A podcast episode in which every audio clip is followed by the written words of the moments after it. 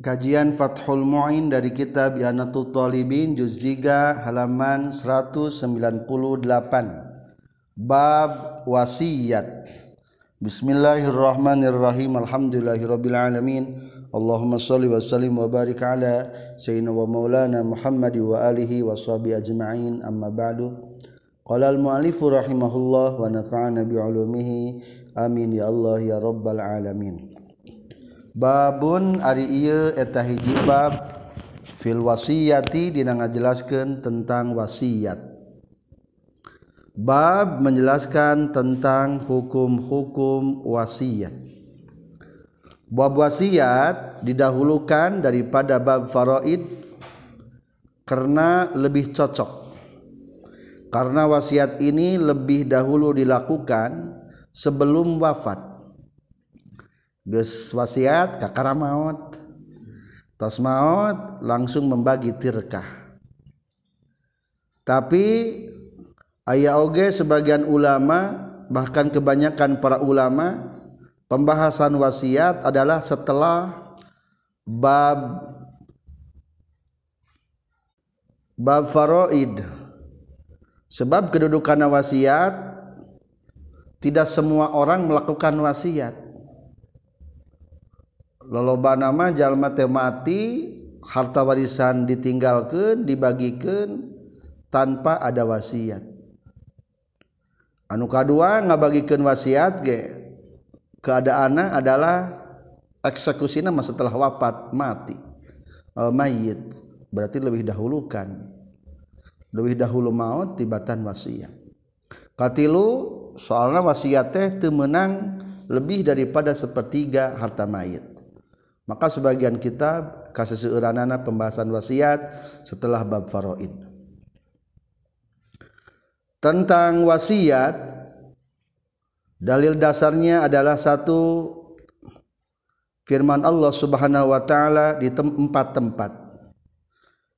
Satu min ba'di wasiyati yusi biha setelah melakukan wasiat mimba di wasiyati yusi biha audain. Pembagian ahli waris itu setelah menunaikan wasiatnya dan setelah melakukan pembayaran hutang baru dibagikan ke ahli waris. Jadi dalam teori na wasiat lebih dahulukan. Maka engkau di pembahasan paraid ayat harta mayit ulah waka dibagikan. Lamun can dibayar anu tilu hiji pemulasaraan mayit. Dua hutang na mayit tilu wasiat na mayit.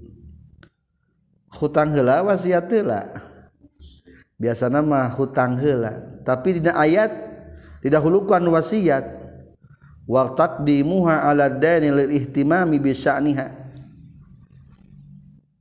Bisya'niha dahulukan susunan di ayat untuk memotivasi bahwa wasiat ini harus lebih didahulukan dan lebih dipentingkan.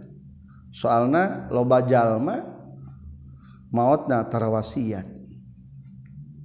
jeung deui kadang-kadang ahli waris teh karena wasiat mah cuek kadang-kadang pelaksanaan teh. Lamun kana hutang sok ingat karena wasiat masuk poho maka dimotivasi ku Al-Qur'an tata letak kata wasiat didahulukan daripada hutang. Mimban diwasiyati usi biha audain dasar yang kedua landasan yang kedua adalah hadis. Satu hadis khabar Ibnu Majah. Al mahrum man hurimal wasiyah Orang yang terhalang itu adalah orang yang dihalangi untuk berwasiat. Jadi lamun orang tu bisa wasiat ketika wafatna terhalang tina rahmat Allah taala. Man mata ala wasiyatin mata ala sabilin wa sunnatin wa taqiyyin wa syahadah. Barang siapa yang wafat dalam keberadaan wasiat terlebih dahulu berarti dia wafat dalam keberadaan jalan yang benar wafat dalam keberadaan sunnah wafat dalam keadaan ketakwaan wafat dalam keadaan kesahidan. Empat. Wa mata mughfaran lahu dan kelima matinya akan dihampunkan seluruh dosanya dosa-dosanya jadi kalau orang yang wafat tidak berwasiat terlebih dahulu adalah al-mahrum terhalang untuk mendapatkan rahmat Allah. Hadis yang kedua adalah hadis nanti ada di matan yaitu ma haqqu mri'in muslimin lahu syai'un yusi fihi yabitu lailatan aw lailatani illa wasiyatuhu maktubatun 'inda ra'si. Komentarnya nanti di matan sudah dicantumkan. Anu katilu perlu diketahui wa kanat awalul islam wajibah. Kedudukan wasiat ini pertama Islam diundangkan sebagai wajib. Bikul lil mal lil walidain. Seluruh harta peninggalan mayit diwasiatkan untuk kedua orang tua dan kerabat maka berdasarkan firman Allah kutiba alaikum idza hadara hadakumul maut in taraka khairanil wasiyatu lil walidaini wal aqrabin wal aqrabina bil ma'rufi haqqan 'alal muttaqin. Berdasarkan ayat tersebut seluruh harta mayit adalah diperuntukkan untuk kedua orang tua dan kerabat-kerabatnya wajib hukumna ke waktu harita tapi ayat tersebut dinasah tentang wajibnya dengan ayat miros ayatul mawaris ayat tentang warisan Apakah total semuanya di, dinasah? Wa baqiya istihbabuha hukum wajib nama diganti dengan hukum sunnahnya.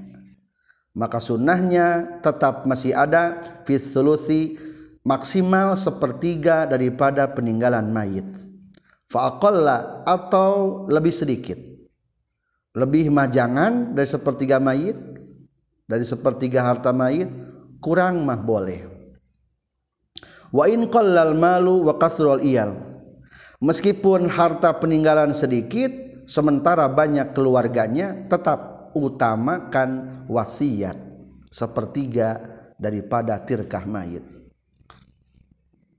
Umpamana ninggalkan harta 10 juta taruhlah. Sepertigana 3 juta diwasiatkan.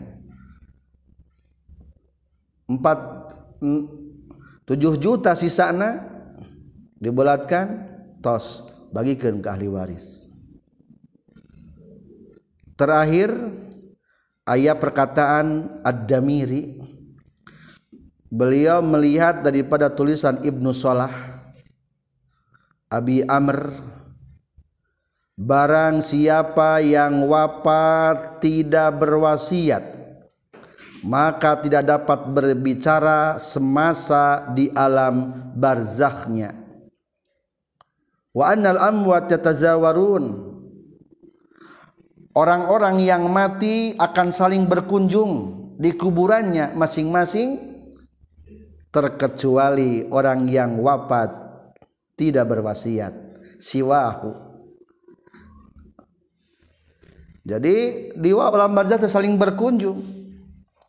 Tetapi nutara berkunjung adalah orang anu berwasiat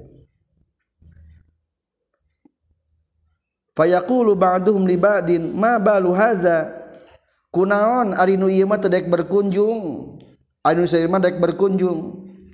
Akhirnya fayuqalu jawabannya adalah mata min ghairi wasiyah matinya tidak pernah berwasiat. Akhirnya kurang pede berkunjung teh. Soalnya ari nu berwasiat mah pala terus mengalir. Ari nu berwasiat mah putus. Jika orang be teu boga pausahaan teu boga harta kadang-kadang kurang pede cicing di lembur teh eta gitu pedeun cicing di alam barzakh Emang gimana kedudukannya tentang wasiat? Nah, kita ikuti penjelasan daripada musannif. Hia ari wasiat lugotan menurut lugot al isalu eta kadar-kadar nepungkeun atau nganepikeun min wasasyai'a bikaza tina akar kata wasya bikaza. Waso nepungkeun jalma asyai'a kana hiji perkara bikaza kana anu. Au salat tegasna nepungkeun jalma hu kana itu sae bihi kana yeza li'annal musi ya karena sayahtuna jalma-jalma nu ngawasiatkeun wasola teges nganepikan nepung ke si musi khara duniahu karena kebaikan dunia nasi musi Bukhari ukbahu karena kehadian akhiratna ia si musi. Suku kata wasiat diambil daripada kata nepung wa isol menyampaikan nepungken namun sababna ayah istilah menepungkan soalnya lamun jalman wasiat mah berarti menyampaikan kebaikan dunia kepada kebaikan akhirat. Ari orang teu pepeuriheunya keur hirup dalam dunia teh koret orang teh. Cik atuh eta koret ulah ka baba maot umpamana orang boga harta 100 bata keur hirup mani kekebuk bae ku urang. Cik atuh bawa harta teh 30 bata mah jang maot Tu ngaranna berarti isol menyampaikan kebaikan di dunia sampai ke akhirat. Kunaon nyampe ke dana? Kuwasiat jadi iya teh solusi supaya ulah kasupkeun koret. Lamun teu asup teu wasiat mah koretna ka bawah naon? Ka bawah maut koretna teh. Mata berwasiatlah. Li annal musi wasala khairu dunyahu bi khairi ukbahu. Berarti seolah orang seolah-olah orang yang berwasiat itu menyampaikan kebaikan dunia nah sampai kebaikan di akhirat. Di dunia senang di akhirat tenang. Rukun wasiat ayat opat. Di bawah sebelum qauluhu lughatan al-isol warkanuha arbaatun satu musin. Anu ngawasiatkeun berarti nurrek maut cek nurrek maut teh kaula wasiat. Kedua wamu sholah penerima wasiat nudi wasiat tanana katilu musobih. Barang nudi wasiat kena kaopat segat. Musin man wasiat. Kaula wasiat.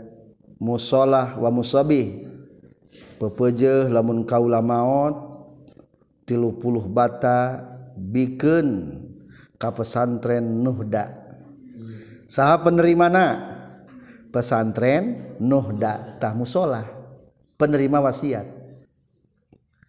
Berarti lah mereka ditambah tenaon-naon musoileh etamari musoileh mah penerima wasiat. Cek anak-anak temuhun bapak mangga. Naon ngarana? Muso ile yang harus menyampaikan wasiat tersebut. Kalau ditambah mah kaopat adalah segat.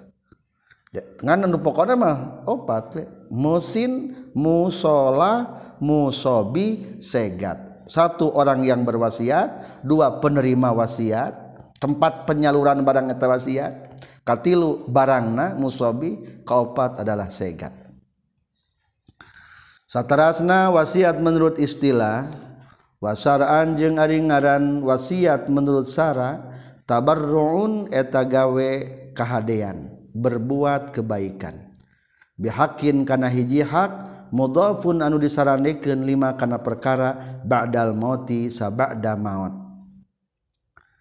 Ari ngaran wasiat mah yaitu berencana melakukan kebaikan disandarkan kepada mati. pepejeh lamun kaula maut bikin 10 juta jang pakir miskin. Hmm. Terutama ta Mang Eon. Ta sok di sawah wae karunya. Berean eta gitu naon-naon.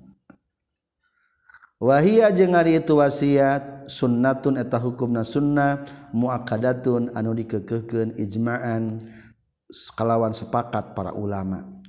Waingkanat jeung sanajan kabuktian naon as-shadaqatu shadaqah bisihatin kalawan sah bisihatin kalawalina waktu sehat sehat famarodo tuluy gering famarodin tuluyna waktu gering afdolu eta afdol. Kedudukan wasiat hukumna sunnah muakad sepakat para ulama lamun dibandingkan meningkeneh wasiat meningkeneh sodako ke waktu sehat tuluy gering. Sebetulnya ningali keutamaan adalah lebih alus tibatnya eta sodakoh kesehat tuluy gering tak meningkan itu tuluy maut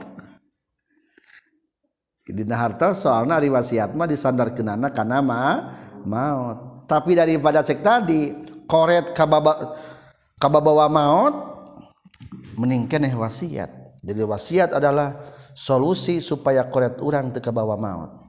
Sok gugulung kerirup mah. Pepujuh rek maut mah wasiatkan aya jang pakir miskin. Aya jang sarana-sarana agama. Aya jang kebaikan-kebaikan. Hukumna wasiat secara asal adalah sunnah muakkad. Tinggal di tengah kedua ada kalanya sunnah wasiatnya hukumna mubah. Seperti wasiat ke orang kaya atau ke orang kafir. Menang ngungkulnya ngan menang keutamaan. Atau wasiat karena perkara anu te halal di alam manfaat. Seperti ke najis. Wasiat ke lamun kaula maut ma anjing ma bikin weta.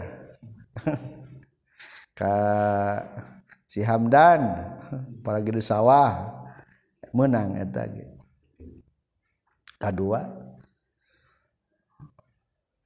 jadi menurut Imam Rafi'i mah tidak termasuk kepada kategori kurbah.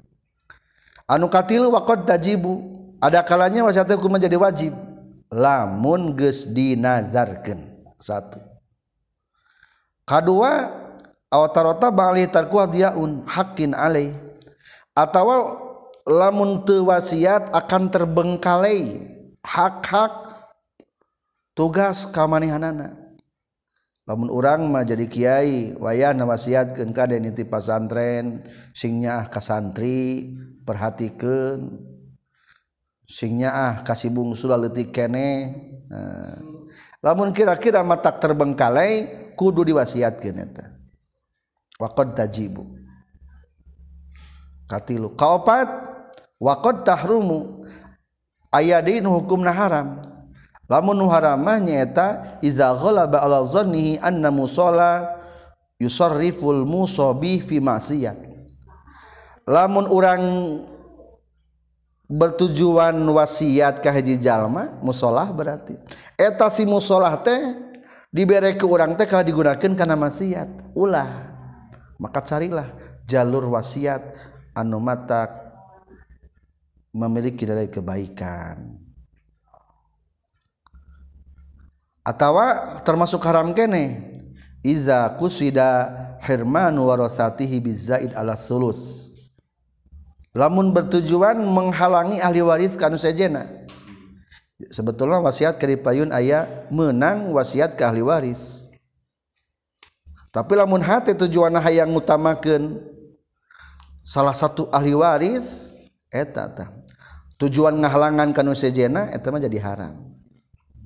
Anu kaopat waqad tukrahu aya gambaran wasiat anu makruh nyaeta lebih tina sepertilu atau simpulna hukumna wasiat fatak tarihal ahkamul khomsa aya lima hukum barusan.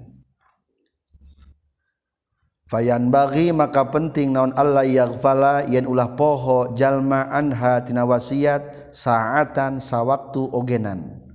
Sepertikan perkara soro hages ngajelaskan bi karena Ima naon al-khobarushi hadits anushohi sebaiknya jangan lupa sedikit pun daripada menulis tulisan wasiat. Asal panjang umurnya mudah-mudahan tapi dalam artian sok kapohokeun kana wasiat. Teu wasiat mah hulang-hulang dikubur ge. Hulang-hulang teu pede. Hadisna ma haqqum ri'im muslimin lahu sayun yusifihi yabitu lailatan aw lailataini illa wasiyatuhu maktubatun 'inda ra'si ma haqqum ri'in teu ari hakna hiji jalma. muslimin anu Islam. Lahu anu eta tetap piken ieu si imriin syai'un ari aya sesuatu. Yusi anu bisa ngawasiatkeun ieu si imriin fihi na yuse yabitu anu meting ieu si imriin lailatan hiji peting au lailatani atawa ya dua peting illa wasiyatuhu kajaba. Ari wasiyatna eta si imriin. Maktubatun eta anu dituliskeun ingda roksihi nasalningen sirahna si muslim. Tidak ada hak untuk orang muslim. Maksudnya tidak ada kewajiban. Yang orang muslim tersebut memiliki sesuatu. Yusifihi yang sesuatu tersebut dapat diwasiatkan ya itu lalu dia bermalam semalam atau dua malam terkecuali wasiatnya sudah dituliskan di bawah kepala di bawah bantal tempat tidurnya. Jadi kudu dituliskan idenya minimal. Dalam artian ulah pohonnya lain kudu disimpan bayi dinya eta hadis teh. Dalam artian penting na ayah wasiat. Hari nyimpan mana lomari wehnya ulah na pinggir bantal dalam artian kudu diketahui ku ahli waris ulah poho dan lain sebagainya. Ail mal hazmu hente ari kapengkuhan. Dalam kurung tulis hente ari pikiran anu bener. Awil ma'ruf jeung hente ari kahadean. Dalam kurung hente ari nu disupri di mana matlub. Saran sepanjang sara illa dalika kajaba itu maktubatun ing darosi teu aya pikiran yang tepat dan tidak ada tuntutan sepanjang sara terkecuali itu. Nyaeta wasiatna ditulis di bawah bantalna.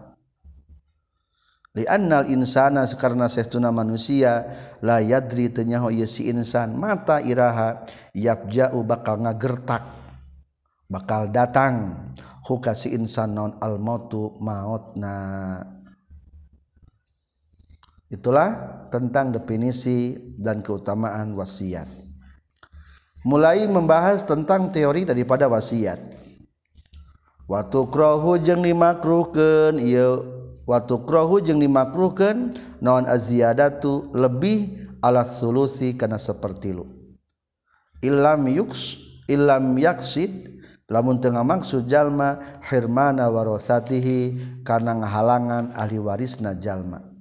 Wa illa jeung lamun te lam yaksid hurimat tah diharamkeun itu wasiat.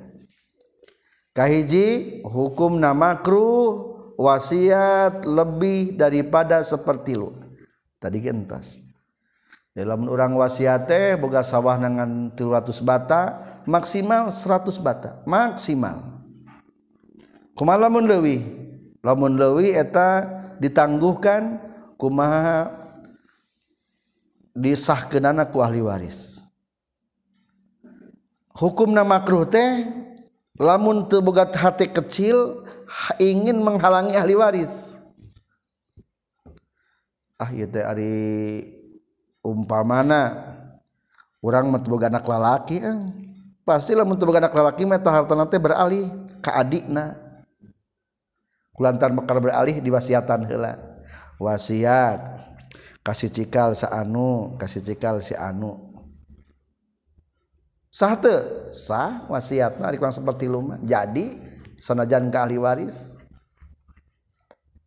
Tapi lamun diizinan ku ahli waris engke dipayun ayah tapi kulantaran ayah hati hayang halangan ngutamakan ahli waris anakna.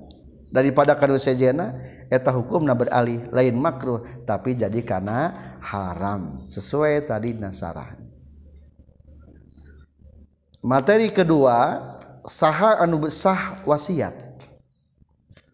Tasihu sah non wasiyatu mukallafin wasiatna jalma mukallaf hurrin anu merdeka mukhtarin anu pilih-pilih indal wasiyati dina nalika wasiat syaratna nu ngawasiatkeun akur jeung ti payun nyaeta kudu mutlak tasarruf. Atau istilah ahli tasarruf. Nyata naon? Hiji balik dua berakal tilu merdeka opat muhtar dengan keinginan sendiri tanpa ada paksaan. Fala tasihu maka tersah itu wasiat min sabiyin ti budak leutik wa majnunin jeung tina nu gelo wa raqiqin jeung ti abid walau mukataban jeung sok sanajan abid mukatab.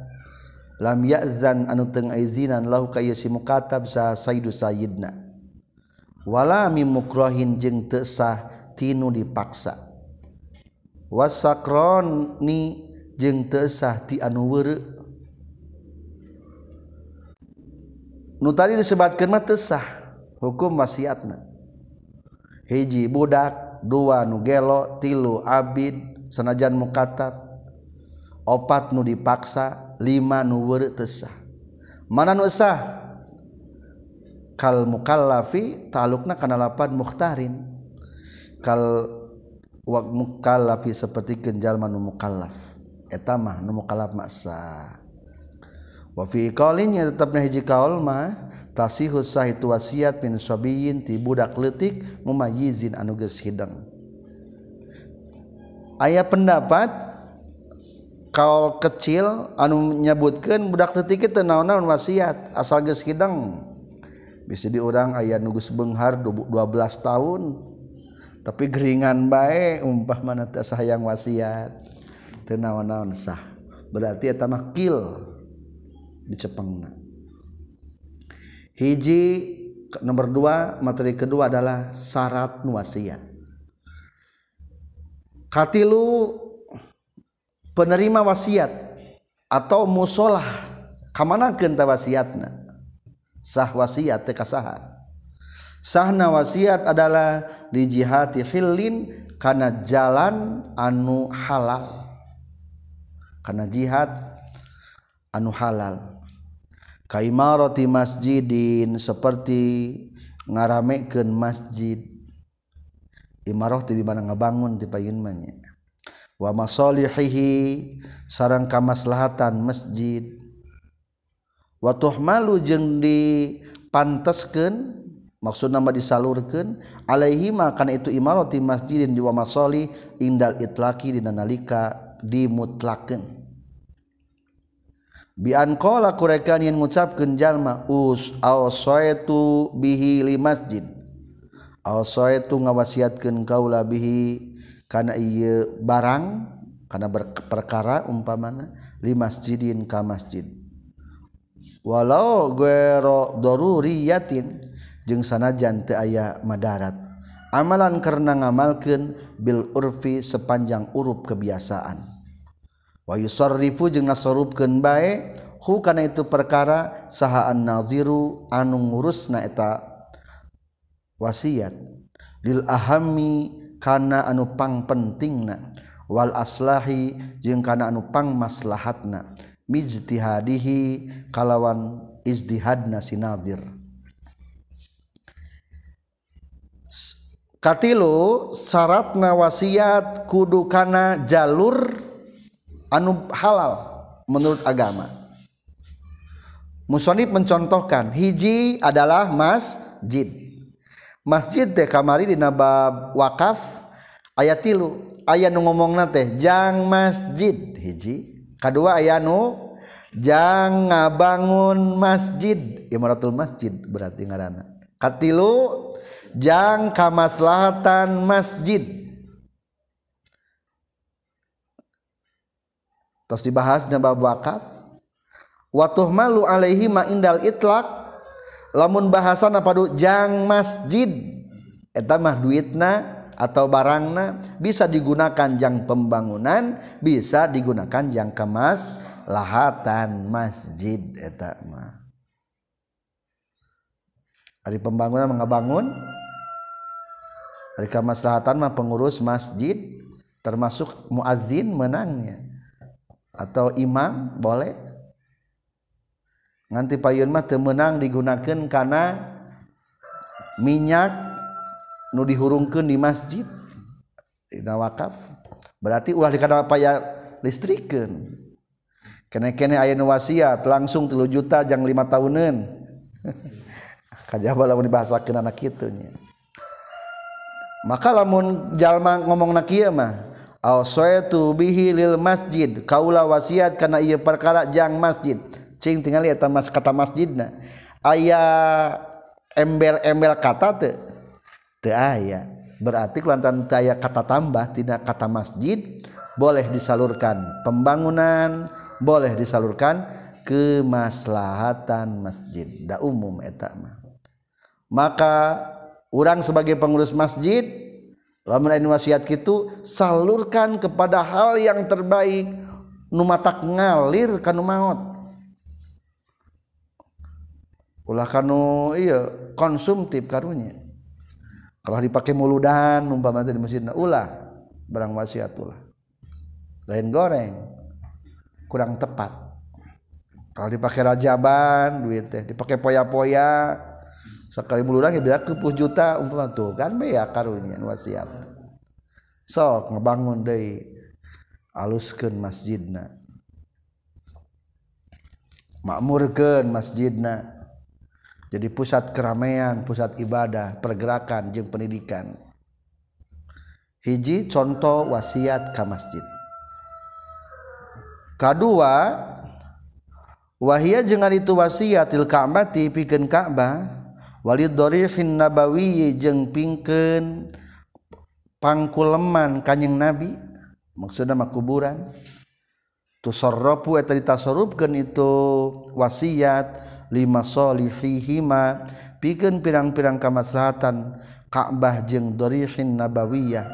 Al khassati anu khusus bihima kana ieu Ka'bah jeung dharihin nabawiyah. Katar mimima seperti ngomeyan perkara waha anuges ragragan Ima minal Ka'batitina Ka'bah Duna bakiyatil Harami ulah atau temenang kasasesat karena sasesakna tanah haram. Kedua boleh ngawasiatkan karena Ka'bah jeng karena dorihin nabawi pekuburan kanjeng nabi umpama gitu ad-darih teh kuburan kanjeng nabi. pangkuleman. Kamana ke nyalur kenana lamun orang sebagai pengurus Ka'bah atau Darihun Nabawi? Berarti macam orang urang Arabnya dia orang Mahese maka tasarruf kenjang ngomean Ka'bah atau ngomean pekuburan kanjeng Nabi. Menang teu disalurkeun kana sejena kulantan tadi bahasana kanggo Ka'bah jeung kanggo kuburan kanjeng Nabi teu menang kana sejena duna baqiyatil haram nih katana haram nu sejena mah ulah. Atawa meskipun Masjidil Haram lagi ulah. Kadang-kadang pinggir Masjidil Haram loba hotel-hotel. Ayah hotel King Abdul Aziz sebagai wakaf natikan tiraja Abdul Aziz hotel King Abdul Aziz sebagai wakaf hotel. Ulah kadinya nyalur ke nana da bahasa lagi jang Ka'bah. Berarti khusus jang Ka'bah iya mah mah cara pengelolaan tina eta wasiat. Wakila diceritakan deui fil ula dina nu kahiji cirian dalam kurung lil ka'bah lil masaki na makkata lima sakini makkata pikeun pirang-pirang masakini pikeun pirang-pirang miskin Mekkah lil masakini. tapi menurut Kil ketika dibahasakan jang Ka'bah eta boleh disalurkan untuk orang miskin nu aya di Mekkah so penduduk Mekkah nu miskin tenaonan menerima tina eta nu tujuan wasiat jang Ka'bah. Nyaurken sahhuna guru urang sadaya yazharu geshohir yadharuhir ahdan karena nyokot mimma tina perkara kalau nugis mengucapkan itu para ulama hukana yema fin nazri dina masalah nazar lil qabri pikeun pakuburan al ma'rufi nugas dikanyahokeun bijiryani sihatil wasiyati naon bijiryani sihatil wasiyati kana ngaberjalankeun sahna wasiat kal waqfi sapertikeun wakaf lidorihi syekhil pulaniyi pikeun pekuburan syekh sipulan umpamana. Wa tusarrafu jeung ditasarrufkeun itu wasiatna fi masalihi qabrihi dina pirang-pirang kamaslahatan kuburan itu syekh. Wal binai jeung pikeun pembangunan al jaizi anu meunang alaihi kana ieu dorihi syekh. Atau qabrihi. Waman jeung ditasarrufkeun ka jalma yahdimuna anu sok ngaladen itu man hukana itu qabrihi. Kaopat aw yaqrauna atawa sok maca ieu man alaiha kana itu qabrihi. Menurut Sayyhuna Ibnu Hajar Haytami yadharu telah jelas naonu jelas ke di payun. Jelaslah mengambil daripada pembicaraan para ulama yang telah kita lewati boleh nadar kepada kuburan yang sudah dikenal. Di payun di lima wakaf ayahnya menang wakaf ke kuburan syekh tah berarti nampak jelas tinata perkataan di payun eta bijirian si hatil wasiyah boleh mem memberlakukan menjalankan wasiat kal wakfi seperti halnya wakaf untuk kuburan se seseorang. Telan itu seseorang. Umpamana cek orang teh kaula wasiat namun kaula maut 20 bata pikeun kuburan Syekh Abdul Muhyi Pamijahan. Barang maut teh ahli warisna. Berarti wari ahli warisma yang menyalurkan eta wasiat kolotna muso ile sok pasihkeun pasrahkeun ka pihak pekuburan Syekh Abdul Muhi. Berarti pekuburan disebutna naon? Musolah penerima wasiat. Pihak kuburan yang naon ting? Eta duit eta tanah di penggunaan anak maka penggunaan anak adalah waktu sarrafu fi masalihi kubrihi salurkan untuk kemaslahatan kuburan si Abdul Muhi kemaslahatan. Nyangan nganeonan ngabersihan supaya menarik maksud supaya menarik tebetah nu ziarah. Kadua wal bina ul jaiz alai boleh jang pembangunan. Anu sekira dimenangkan untuk matak nyokot atau mengganggu tanah wakaf yang lainnya bisi di kuburan kan bisi ngaganggu karena kuburan batur mah ulah. Dua tah katilu waman yakhdimunahu boleh pada kuncen-kuncen. Nusok ngaladen di eta makam Muhi boleh. Aya jatah. Tukang naklan korotak seribu seribu seribu. Berhak menerima kaopat au yakrauna alai orang-orang membaca bisi rek nyiapkeun cai boleh tidinya jang kamaslahatanana. Berarti ya contoh ketiga ya kumaha lamun ngomongna ieu mah jang Syekh Abdul Muhyi. Tenyebutkeun kuburan di babab kabeh entos. Amma iza qala anapun di mana-mana ngucapkeun jalma li Syekhil Pulani pikeun ieu Syekh seseorang si Abdul Muhi wungkul. Walam yan jeung tengah niatan ieu si jalma dari hahu kana kuburan itu Syekhul Pulani. Wanahwahu jeung sabangsana dorih fahiya mangkal itu wasiatna batilatun eta hukumna batal. Terjadi abdi wasiat kanggo si Abdul Muhi hayang katampi ku si Abdul Muhi abdi mah. Jeung lamun ngamaksud kana datiahna anjeunna meunang teu.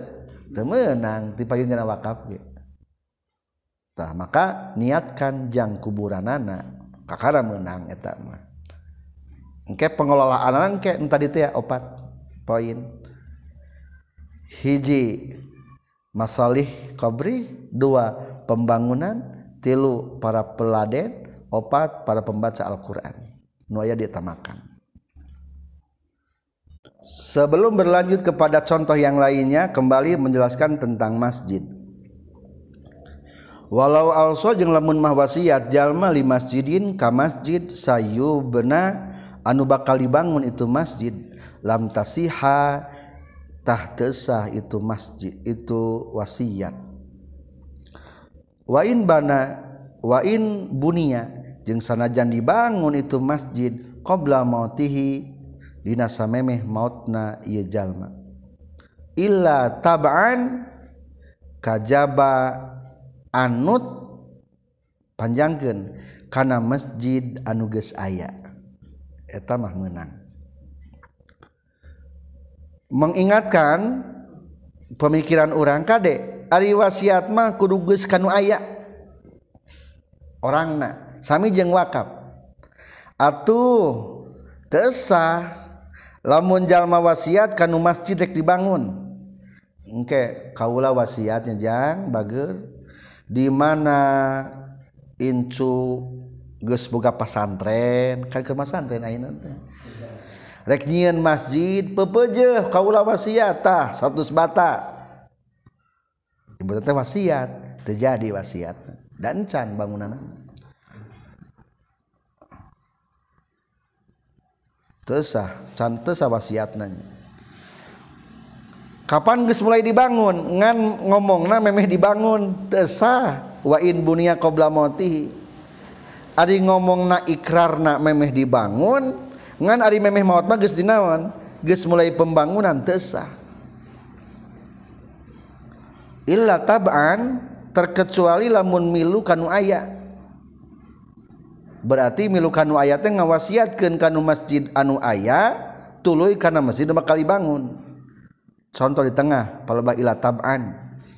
Terkecuali mengikuti maujudi karena masjid anu aya eta masa contoh awsaitu li masjidi pulanin kaula wasiat ka masjid nuhda. Hmm, Atau ka masjid di batur mah ku ngaran jalma masjid teh. Kaula wasiat bikeun 100 bata ka masjid Abu Bakar. wama sayubna jeung masjid nu bakal dibangun minal masjid ti masjid nu mana bae? Ayeuna nu bakal dibangun mancannya ngan kulantaran nu kahijina mah geus aya penerimana maka boleh eta mah bahasa kitu mah. Seperti halnya waksiatnya boleh. Sonajan bahasana kulapa dua mak kuwau lil istirok teu naon-naon.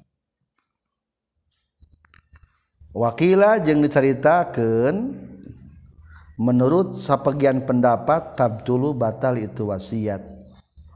Fima dina perkara lauqala lamun mengucapkan jalma araddu ngamaksud kaula tamlikahu kana ngamilikeun ka itu masjid. Lamun kieu wasiat kaula wasiat rek mere 20 juta. Hayang kapilikiku masjid. Maka etap kaol hukumna batal. Berarti sebetulnya eta kaol teh adalah kaol nu ditulisku Imam Rafi'i menulis sebagian para ulama dicantumkan tulisanna palebah lapad dan bihun. Tapi sebetulnya lapad arad tamlikahu ulama niat ngawasiat hayang kapi milikku masjid lamun menurut Imam Rafi'i mah nu diluhur eta teh sah. Makanya pelbah qauluhu wakila tabtulu dua baris ke bawah wa bahasar Rafi'i sihataha menurut Imam Rafi'i masah wasiat kitu teh. Umpamana awsaitu li masjidin wa aradtu tamlikahu kaulah wasiat ke masjid hayang katarima ku masjid. Itu tesah soalnya masjid ge milkan wa alaihi wakfan bisa menerima yang bisa menerima wakaf masjid ge. Bahkan iya menurut kaul arroji jadi lapan wakilatnya berarti emang kilnya cerita. Tapi cek rojih mah sah hukumna bahasa kieu teh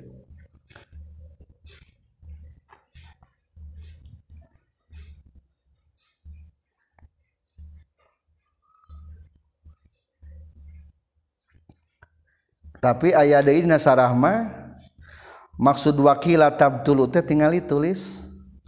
Iya kata lapad wakila tabtulu teh irtibatna di halaman 200 palba watuh malu alaihi ma ingdal itlaki tah di teh dinya guna mah alus nama. Watuh malu alaihi ma ingdal itlaki wakila tabtulu. Tah anu batal mah ketika ngabahasakan ia wasiat kanggo masjid. Menurut kil eta teh batal tak eta memohon kil batal. Lah terus waktunya orang menyekot karena kaol jadi simpulna lamun kaula wakaf wasiat hayang kamiliki ku masjid eta mah menurut karrojeh mah hukumna sah Imam Rafi'i. Nu nyebutkeun teu sah mah eta mah hukumna menurut an ba'dihim contoh deui jalur-jalur anu bisa diwasiatan ku urang kaopat wa ka imarati nahwi kubbatin jeung seperti ngabangun seumpamana kubba ala qabri nahwi alimin kana kuburan seumpamana jalmi nu berilmu. Fi ghairi musabbalatin dina salianti tanah pekuburan anu dicawiskeun. Pikeun umum. Atau kaopat menang wasiat jangan bangun kubah. Maksud kubah di masjid di ciluhuran. Di kubahan tenaon-naon di saungan maksud kubah tenaon-naon tapi jangan kuburan anu alim. Adi kuburan jelma biasa mah makruh. Bahkan haram lamun di tempat umum. Tapi ieu ge sami musab fi ghairi musabaratin lain di tanah wakaf pekuburan nu dicawiskeun jang umum. Di tanah wakaf pekuburan jang umum mah ulah. Soalnya kadang-kadang orang alimah luas. Lamun hiji orang alim kadang-kadang sabaraha urangeun kuburan nanya kita mah ulah hari kitu mah wawakoa jengges tumiba fi ziyadatil ibadi na kitab ziyadatil ibadi. Naon walau auso lapad walau auso. Walau auso jeung lamun wasiat jalma bi ayud fana kana yen hayang dikubur ieu jalma fi baitihi di imahna ieu jalma batal tah batal non al wasiyatu wasiyatna kade jalma biasa mah ulah hayang dibangunan bahkan lamun ngawasiatkeun yang dikubur di imah abdi mah batal wasiatna teu kudu ditunaikan. Dina kitab azkar manya lamun wasiatna makruh mah ulah. Contong alus nama lamun ngubur teh di mana mawat tidinya dikubur. Orang Cibulakan mau di Jakarta. Cek ahli waris teh orang dakulantan wasiat hayang dikuburkan di lembur umpamana. eta wasiata wajib tadi ditunaikan. Eta mah teu wajib ditunaikan. Cenah ge lamun mengangkut jenazah di tempat kematian atau hukumna makruh. Nu lebih sapar maksudnya di Jakarta kan jauh ke orang komo lamun di melewati lautan di Pontianak. Jauh teuing eta mah. Akur iya nu nanya nama mun karnakir. di mana-mana ulah yang dipindahkan lah. Maut nah di Mekah wasiat hayang dikubur di Indonesia. Lah tekudu sami. Petugas nama eta eta kene. Nah, jadi eta mah dina kitab azkarnya. Makruh. Nah eta berarti lamun ari wasiat mah kudu fi jihati hilin. Jihad nu halal. Nu makruh mah teu dilaksanakeun maka dia dicontohkan wakhoroja jeng keluar bijihati helin ke jalan anu halal non jihatul maksiat jalan-jalan kemaksiatan. Kaimar kanisatin seperti ngebangun gereja wa isrojin fiha jeng ngalampuan di itu kanisa wa kitabati nahwi tauratin jeng nulis saumpamana taurat wa ilmi muharramin jeung nulis ilmu-ilmu diharamkan contoh ilmu sihir eta mah teu sah wasiatna. Teu meunang haram? Jangan bangun gereja. Jangan nyangan gereja. Hayang jangan nulis Taurat. Komo ieu geus nu asli. Haram. Wa ilmin muharramin. Jangan nulis ilmu sihir. Haram ulah. jadi kahiji penerima wasiat adalah kudunu halal. Musola musolahna. Kedua syarat nate adalah kudu ayat nurek nerima na kudu geus ayat watasihu jeung sah itu wasiat lihamli maujudin karena kakandungan nuges ayat halal wasiyati nalika wasiat yakinan baina yakin. fatasihu makasah itu wasiatna lihamlin pikeun hiji kandungan in pasola anu pisah maksudna malahiran itu kandungan wabihi bari eta tetep pikeun ieu hamlin hayatun mustaqirrah ari hayat mustaqirrah. Liduni sittati asyurin pikeun anu kurang tina genep bulan. Minal wasiyati tina wasiatna. oli arba'a sinin atau pikeun anu 4 tahun faqallatul leuwih saeutik. Walam takun jeung teu kabuktian saha almar'atu istrina firasan eta jadi amparan maksudna eta kumpul li zaujin pikeun salakina au sayyidan atau pikeun sayyidna. Wa umkina jeung dikongangkeun naon al hamlu mantes kenana eta kakandungan? Minhu ti itu zaujin. Li anna zahira karna saestuna secara zahir ma wujuduhu eta ayana itu alhamlu kakandungan. Ingdaha dina nalikana itu wasiat. Li nudrati wat isubhati karna langka ayana wati subhat wa fi taqdiri zina jeung eta tetap binang ngira-ngirakeun kana ayana zina isaatu zannin ari gorengna sangkaan. Biha kana itu biha kasih mar'ah. Syarat nu diwasiatan adalah kudu geus aya. Sok sanajan keur hamil berarti hamil geus aya nya. Li hamlin maujudin hukum nasah wakaf ka masjid aya masjidna. cek tadi ge lamun rek dibangun mah teu teu wakaf jang wasiat jang fakir miskin. Ayat fakir miskin ayeuna? Aya loba tuh sanajan tertentu geus aya eta. Kumaha lamun ka kana kakandungan? Kaula wasiat di mana maul kaula ta eta. Budak nu aya dina jabang bayi si incu pepeje berean 5 juta mah jang kebutuhan anak. Umpama. menang hukum anuges aya ke waktu wasiat katingal hamil. Cirina aya kumaha? Cirina aya teh kieu patasihul hamlu in pasola wa bihayatun mustaqir barang gubrak lahir teh ngalaman hiruf liduni sitati asurin bari kurang tina genep bulan. Jadi tina jarak wasiat karena lahiran teh kurang sabaraha? Kurang genap bulan. Soalnya lamun lebih di genap bulan mah ada kemungkinan wasiatna can hamil gitu. Dari hamil mah minimal genap bulan kakarangan lahirkan mual aya dua bulan tina kawin ujug-ujug lahirkan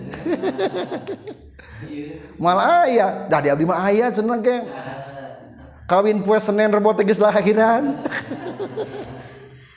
tak berarti itu mah dua poe. Ada kemungkinan ada masalah itu ada yang mendahului menyimpan saham. Jadi hari hamil mah maksimal genap bulan. Eh, maaf minimal. Berarti lamun kelahiran anak di bawah genap bulan ciri barang kerwasiatnya geus aya. Maka benar atau maksimal opat tahun. Soalnya aya gambaran hamilna ke kandungan seberapa tahun. Opat tahun. Seperti Imam Syafi'i. Tulis liduni sitati asurin.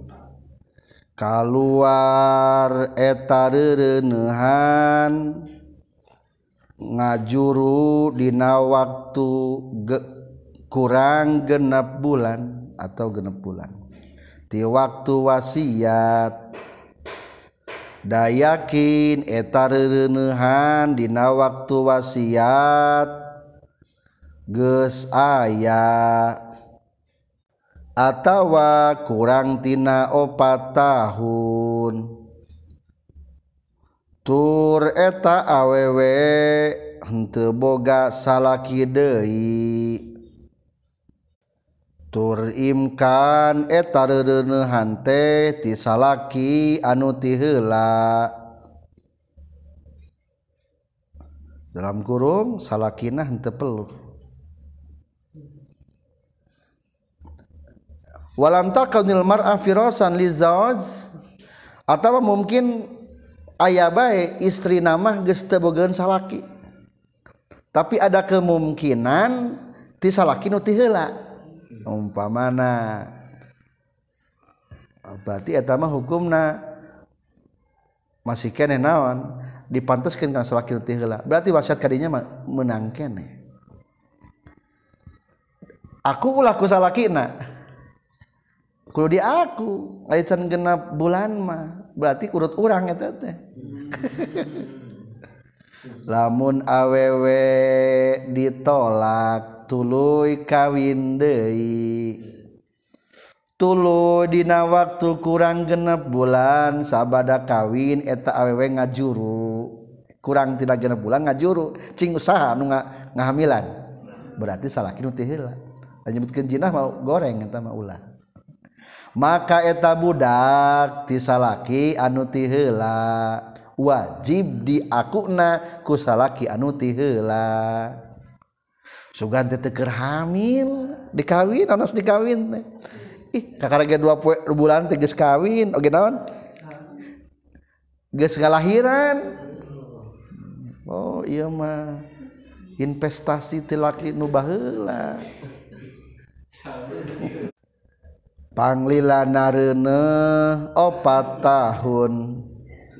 pangsa etikna rene hamil katanya genep bulan. Lamun awewe kawin kurang tina genep bulan geus ngajuru sah kawina. Sanajan eta mungkin eta anak zadah. Lamun awewe na parawan. Tapi lamun awewe naranda maka eta nikah napasid jadi lamun awewe dikawinkan tina sil jadah masah eta teh kerhamil teh. Tapi lamun randa encan ge genep bulan geus lahir berarti ajun teu heula eta mah kemungkinan. Sabab kemungkinan eta reuneu ti salaki anu awal sarta awewe na boga idah cantamat idahnanya dari kerhamil maidahna tekunaon nepi kanga lahirkeun. Jadi simpulna teu naon-naon wasiat kanu hamil ka kandungan anu geus aya eta jabang bayi dina perutna. Cirina kumaha? Barang borojol tina wasiat nepi ka borojol teh kurang genep bulan. Dalamun leuwih ti genep bulan mah berarti lamun lebih tigenap bulan mah harus diyakinkan. Nah akhir waktu wasiat coba. Sudah hamil belum? Tapi zaman akhirnya mah gampangnya. Mendeteksi kelahiran. Kehamilan maksudnya. Naam sumuhun. Laulam takun lamun tekabuktian itu si imro'ana Firosan eta jadi amparan maksudnya lamun awewe kumpul jeung salakina atau sayidna kotun sama sekali lam tasiha tahtesah non al wasiyatu wasiatna kotan sama sekali lamun eta awewe na can boga salaki sama sekali kalah-kalah lahiran. Eta mah teu wasiatna kana kitu mah. la tesah wasiat lihamlin kana kakandungan sayah disu anu bakal anyar datang ieu hamil wa in hadasa jeung sanajan datang ieu hamlu ngakandunganna qoblal mautil musi sameh maut anu ngawasiatkeunana. Di annaha karena saestuna itu wasiat tamlikun eta ngamilikeun. watamlikul ma'dumi jeung ari ngamilikeun kanu eueuh mumtaniun etanu kacegah. Fa asbahat makanya rupaan itu wasiat al waqfa kana wakaf alaman kajalma sayuladu nu bakal lahirkeun itu eman. Lahu pikeun ieu si eman. Mapu mukhalafahna berarti temenang wasiat karena kekandungan nu bakal piayaeun jika tariwi karena masjid temenang wasiat ke masjid nurrek dibangun. Sanajan bukti nama ngabangunan teh memeh maut daker waktu ikrar wasiat mah can aya temenang di DG gitu sami temenang wasiat ke kakak kandungan nusan ayah ke waktu panganten tenangnya ulah bingung-bingung ting boga anak. Ku aki diwasiatan nu penting maksing getol be nyeuna cek akid teh kitu. Can aya diwasiatan teh ayeuna kene sok tah. 50 bata jang incu. Hmm. Arab teh barang tekung silat nya pelentuk dari kereye lobang ngalembur ada nya Arab teh ayah memeh maut. kulantan ke waktu ikrar macan ayat terjadi wasiat kadinya mah terjadi berarti ya aku jeng wakafnya. Maka cek tadi di payun di bab wakaf ayat wakaf tu alaman sayuladu tesah naam sumuhun tesah karena kekandungan bakal datang. Lali hamlin sayyidatu tapi injuilah lamun dijadi ke non al ma'dumu kakandungan anu eueuh taban karena dipilukanil maujudi karena nu aya.